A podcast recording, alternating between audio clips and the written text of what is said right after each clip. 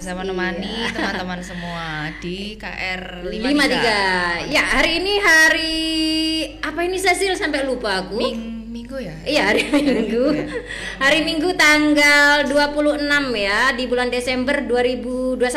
Yap. Ngomong-ngomong sudah hampir akhir tahun nih Cecil. Gimana sepanjang tahun 2001? eh, 2021 udah. eh, ada kenangan yang menyenangkan atau banyak yang menyedihkan? Jelas menyedihkan ya karena COVID jadi nggak bisa ngapa-ngapain kan. Lebih Eh, banyak di rumah iya, ya? lebih banyak di rumah terus. Jadi ya ya tapi tapi ada lah yang menyenangkan cuma ya rasio menyenangkan dan tidak menyenangkannya agak jomplang gitu gitu lah. Iya iya iya. Ya sahabat KR53 yang di rumah yang eh, mungkin barusan gabung ya dapat notifikasinya kalau kita sudah live, kamu bisa gabung di eh, lewat Facebook ya. Karena kita live di Facebook di KR53 Broadcast. Dan kalau nanti ada yang eh, belum apa atau ketinggalan ya dari awal bisa simak di YouTube-nya masih sama ya di KR53 Broadcast. Nah, malam hari ini kita bahas apa Cecil? Apa nih? Dating violence nih. Dating violence, ya dating violence atau uh, lebih Kekerasan dalam pacaran. kekerasan dalam pacaran. Nah kalau ngomong soal pacaran nih, nah usia-usia Cecil ini usia-usia pacaran kayaknya ya. Iya. usia-usia berapa nih belasan tahun ya? Iya, remaja lah. Remaja ya. Kayak eh, 12 sampai berapa? bahkan eh, kayaknya yang aku pantau sampai anak SD itu sudah mulai tahu pacaran ya. udah Benar tahu dan sudah melaks- melakukan. Heeh, sudah suka. Sudah suka. Padahal sudah- kalau dulu tuh SD itu masih umbelen, masih Iya. mainan yang becek-becek. Sekarang udah beda ya. Nah, nah kalau eh, Ana lihat dulu ya data kasus eh, dating violence atau kekerasan dalam pacaran ini. Iya.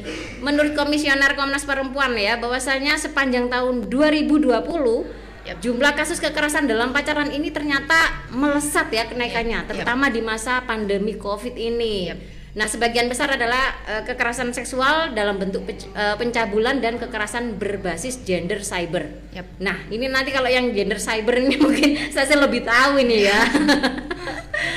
ya, kalau eh, di tahun 2019 hanya ada 35 kasus. Nah, di tahun Hanya. 2020 itu ada 329 kasus. Wow. Nah, artinya ada peningkatan sekitar Yap. 900%. Yap. Wah. Yap. Nah, ini tentu menjadi eh, alarm ya, jadi warning ya eh, bagi semuanya, nggak hanya remaja sebagai pelaku, tapi orang tua juga harus eh, mulai waspada, mulai apa ya, lebih perhatian ya pada anak-anaknya. Nah, sebelum kita bahas lebih lanjut nih Cecil tentang dating violence, kira-kira apa sih Cecil dating violence ini? Makanan apa ini ya? Oleh-oleh Ya. dari mana ini? Kalau yang aku tahu ya memang eh, artinya secara harfiah ya memang sesimpel kekerasan dalam Pacaran, pacaran, gitu. Kekerasan dalam pacaran itu gitu sih. Pokoknya kekerasan yang dilakukan dalam ranah eh, apa ya hubungan sebelum menikah, Menikah, ha. sebelum menikah ikatan ya. pernikahan ya, Yap. baik itu mungkin kekerasan fisik, kekerasan eh, psikologis atau emosional, bahkan sampai pada eh, kekerasan ekonomi ataupun pembatasan aktivitas ya. Nah kalau Cecil sendiri nih, kalau tadi kan sudah kita bahas nih definisinya. Kira-kira dalam lingkungan sehari-hari, lingkunganmu di rumah, di masyarakat atau di sekolah pernah nggak eh, mengetahui terjadinya dating violence? Wah banyak ya banyak, Banyak. sekali. Terutama kan teman-temanku kan ya udah pada pacaran terus Mhm.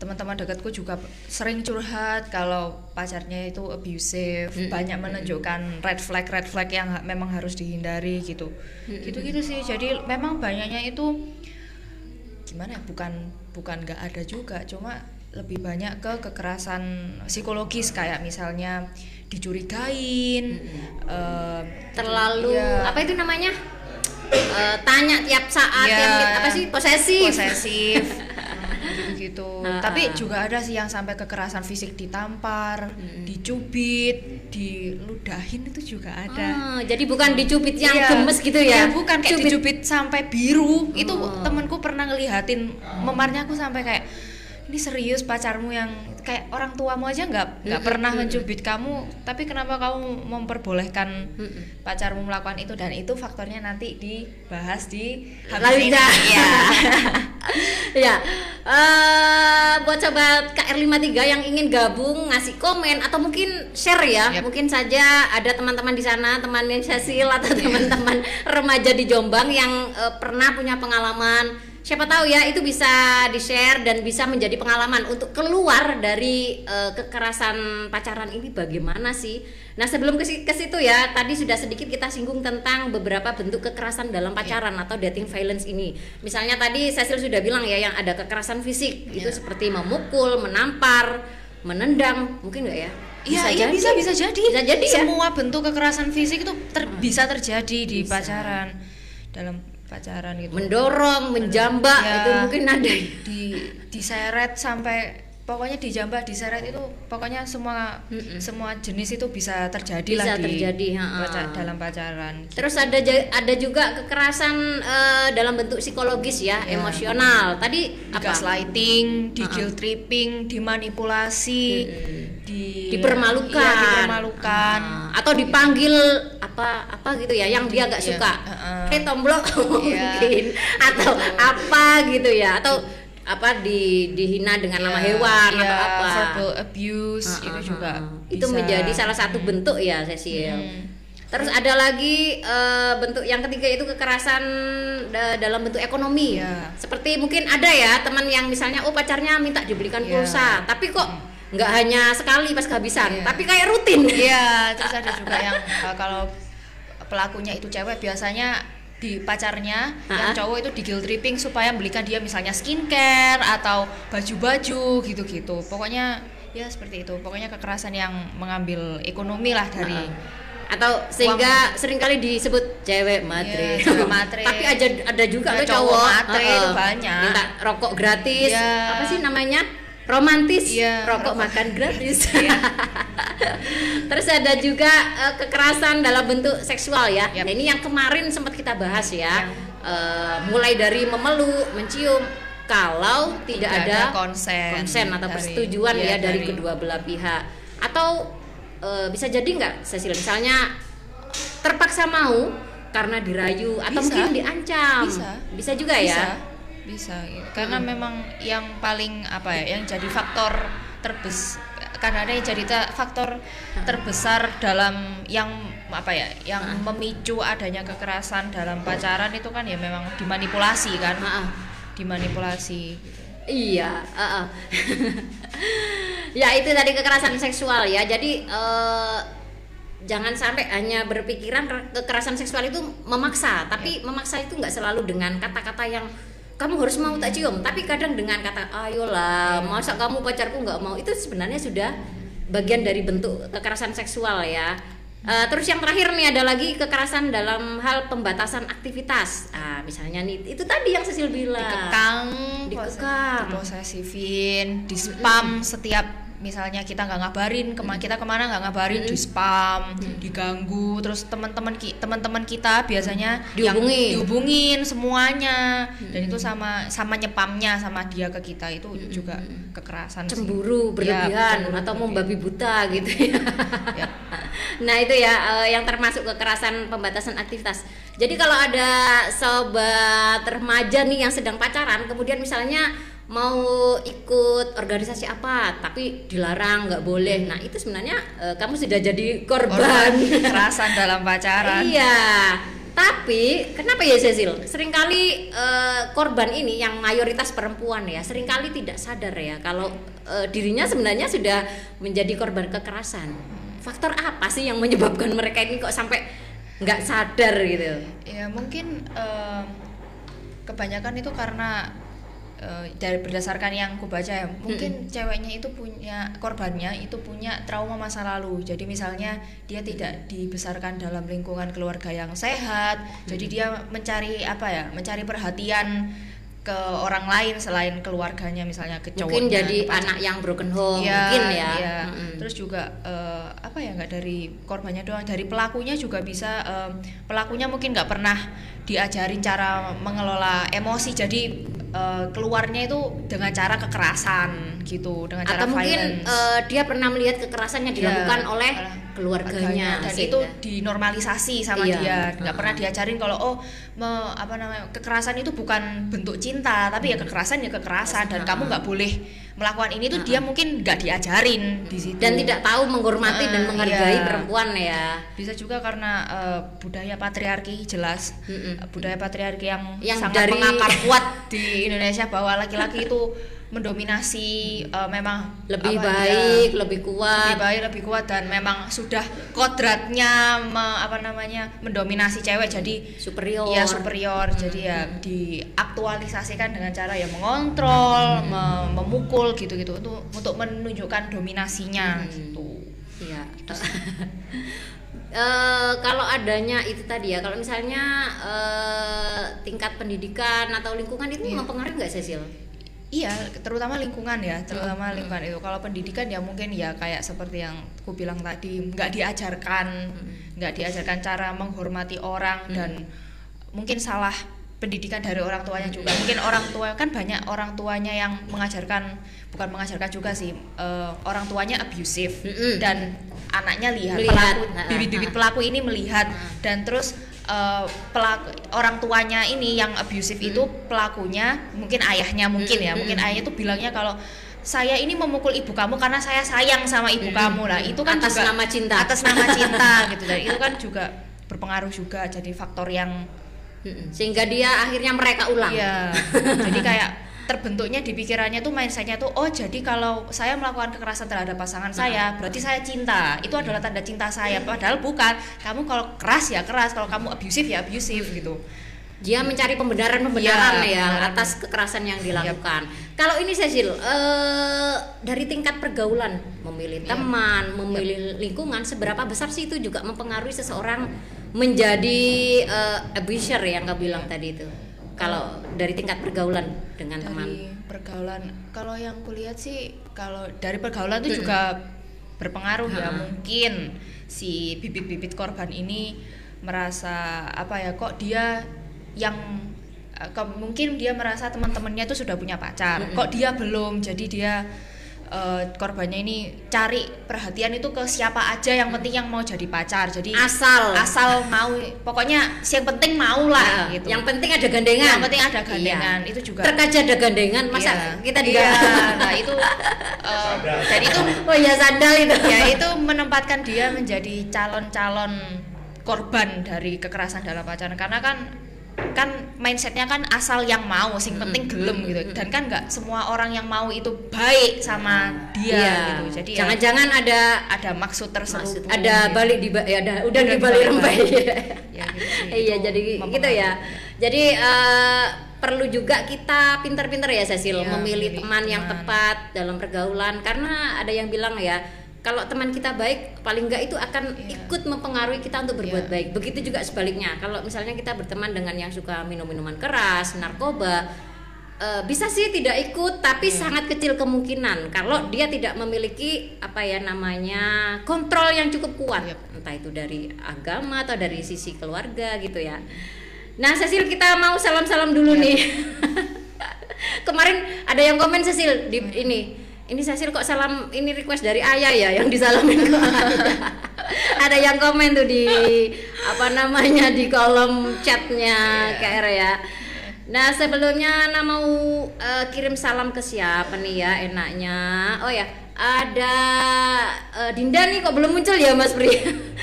ada Dinda juga ada Vina nih satu paket ini yang eh, semoga saja malam hari ini lagi pantau Ana di sini juga ada Novi yang kemarin juga belum sempat gabung di sini ada juga siapa ya yang di luar sana ada siapa Mas Pri ada Ada Rara Abidin. Oh ada Rara Abidin, ada Zamroni. Faik, oh Zamroni.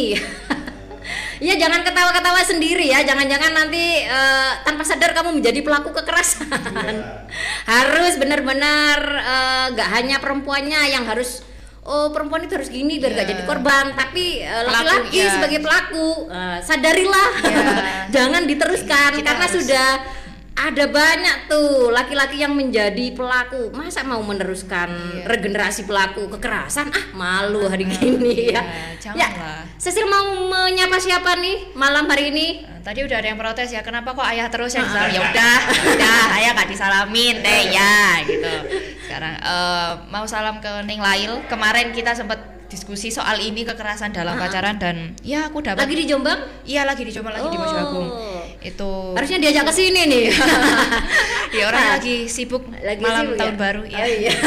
ya terus em, ya tak kemarin sempat diskusi sama Ning Lail jadi akhirnya aku punya insight yang lebih banyak lah dan itu da- dalam topik ini. Dapat ini ya. Insight baru lah ya. protein.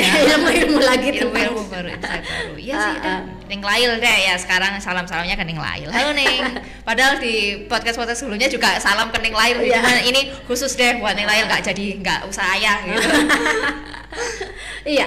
Kalau Cecil sendiri nih eh, aku sama teman-temannya di rumah mungkin jadi penasaran. Cecil sendiri memilih untuk pacaran nggak Enggak dulu deh kalau why sekarang. tell me why kalau boleh Ya, tahu nih Kalau alasan yang benar-benar apa ya? Ya satu-satunya alasan sekarang sih karena mau fokus ya, ujian belajar mau ya. fokus Ah. belajar, mau fokus ke PTN, mau masuk PTN, amin. amin semoga mau- lulus Ya, amin. dengan nilai yang baik Amin.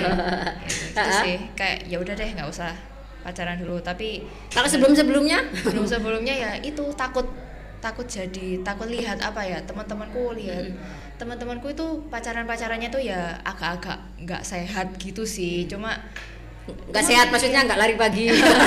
Agak-agak nggak sehat. Kayak pacarnya ada red flag Mm-mm. dibiarin sama temanku dan mereka tetap lanjut. Dan aku kayak eh, jadi mindset jadi dari dulu itu aku lihatnya kayak oh jadi kayaknya cowok semua sama aja deh. Which is not enggak semua cowok itu enggak sama aja semuanya. Cuma yang kulihat sejauh ini sih ya sama semua ya modelannya jadi aku enggak dulu deh nunggu nunggu yang nunggu besar dulu nunggu aku tumbuh dulu gitu tahu padahal eh, kalau di usia kamu sudah Iya. pada bingung ya Iya. udah pada bingung kalau nggak punya Ya, pacar kalau aku enggak sih. Ngapain? Santai aja ya? santai aja. nggak- Heeh. nggak usah, nggak usah terburu-buru ngapain? Heeh. Ngapain buru-buru? Aku juga aku juga nggak apa-apa jomblo Heeh, gitu.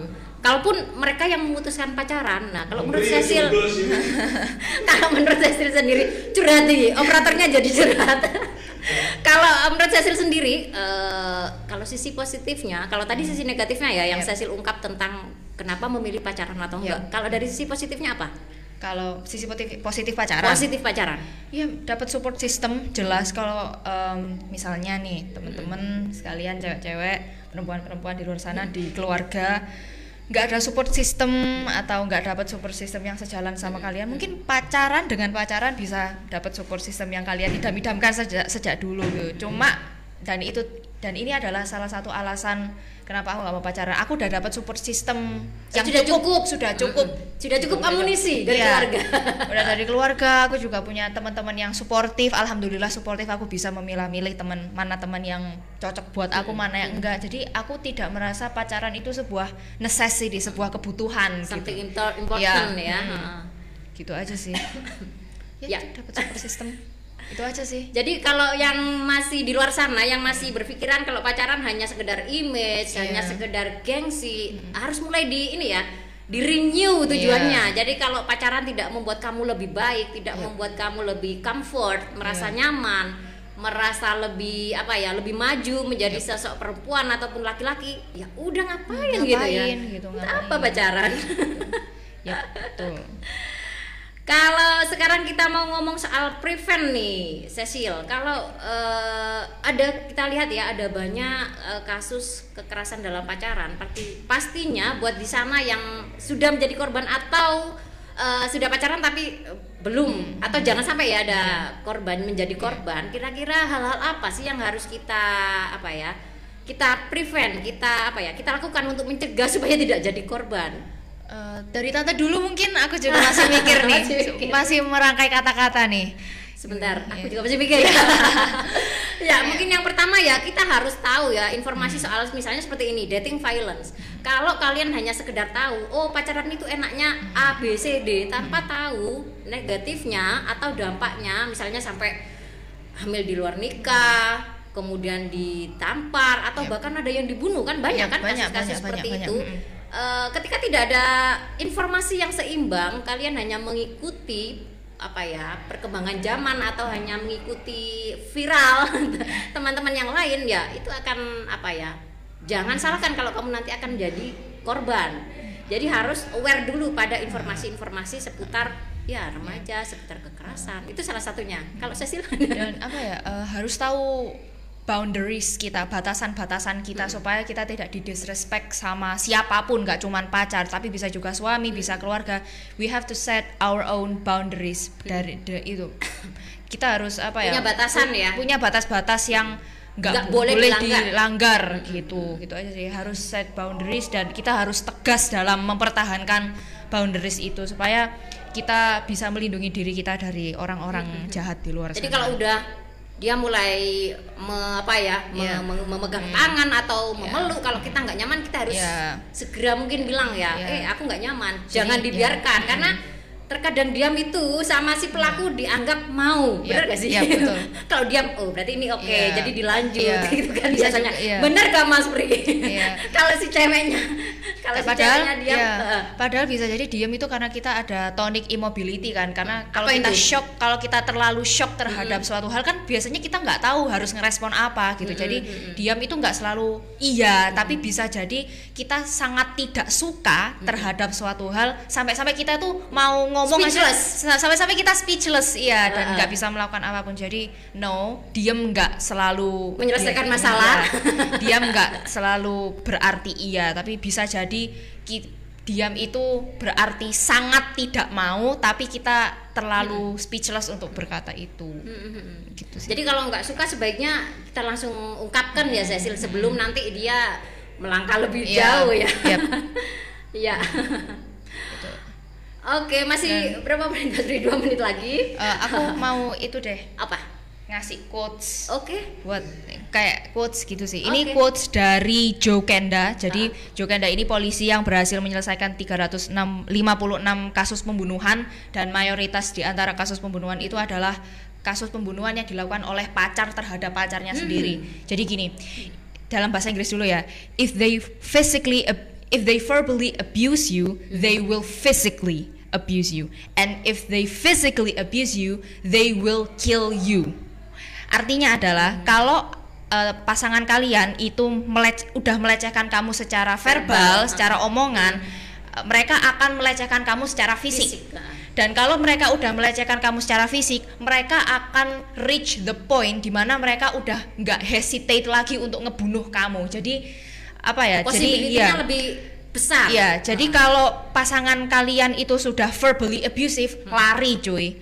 Lari, menjauhlah karena itu udah first big red flag yang harus kalian tahu gitu dan itu harus kalian jauhi. Orang-orang kayak gitu tuh udah harus kalian jauhi sih karena kalau dia udah berani nyakitin kamu secara verbal, ya berarti dia akan berani melecehkan kamu secara fisik dan kalau udah berani menyiksa kamu secara fisik, mereka pasti apa ya akan grow mikirnya tuh oh sud, eh, dia Melang, apa ya? Apa lebih ya? jauh ya, Iya. melakukan kekerasan yang lebih jauh. saya melakukan kekerasan fisik terhadap dia dia Diam me- aja. dia mau dia diam aja berarti bisa dibunuh gitu pokoknya dia akan pu- dia punya akan akan punya celah untuk membunuh kamu tuh bisa jadi jangan jadi kalau sudah berani nyakitin kayak gitu nyawamu udah agak-agak terancam lah Aduh, Gitu. atau sudah zona merah ini sudah ya. red flag Ya, banget lebih lah. baik Dan- eh, go Iya, away. iya. itu untuk cari aman ya. Ya, untuk jangan cari, mau eh, nuker nyawa kalian demi cinta men. Pokoknya kalau udah keluar kata-kata hinaan pokoknya kayak anjing kamu tolol kamu udah tinggalin. Karena itu adalah step pertama terha- kepada pembunuhan men gitu. Kayak ini bener-bener nyawa kalian tuh terancam di tangan-tangan para abuser ini gitu. Jadi itu sih kalau udah ada red flag lari. Lari. I don't care dia se- dia sebaik apa sebelumnya sama Seganteng kamu. apa. seganteng apa pun Sekaya apa pun. sekaya apa pun se quote on quote perfect apa pun. Kalau dia udah ngomong kata-kata kasar ke kamu lari. Lari. Dah. Karena di situ awalnya tuh di situ. Oke. gitu. Ya oke yang pasti teman-teman sahabat KR ya eh, siapa pun di eh, luar sana yang ingin pacaran yang harus eh, tadi ya sudah banyak quote yang dikasihkan Cecil dan yang pastinya pacaran itu harus membuat kalian lebih baik, lebih maju, lebih menjadi positif, lebih apa ya? lebih berkembang lagi. Kalau itu hal-hal buruk lebih banyak terjadi ketika kamu berpacaran, go away, cuy, away. ngapain you deserve better than that gitu loh Oke. ya Cecil terima kasih banyak terima kamu kasih sudah banyak, gabung lagi malam hari ini dan Iya. terima kasih sobat KR yang ada di eh, rumah yang sedang mantau kita. Dan langsung aja kita akhiri. Yap. Wassalamualaikum warahmatullahi wabarakatuh. Makasih teman-teman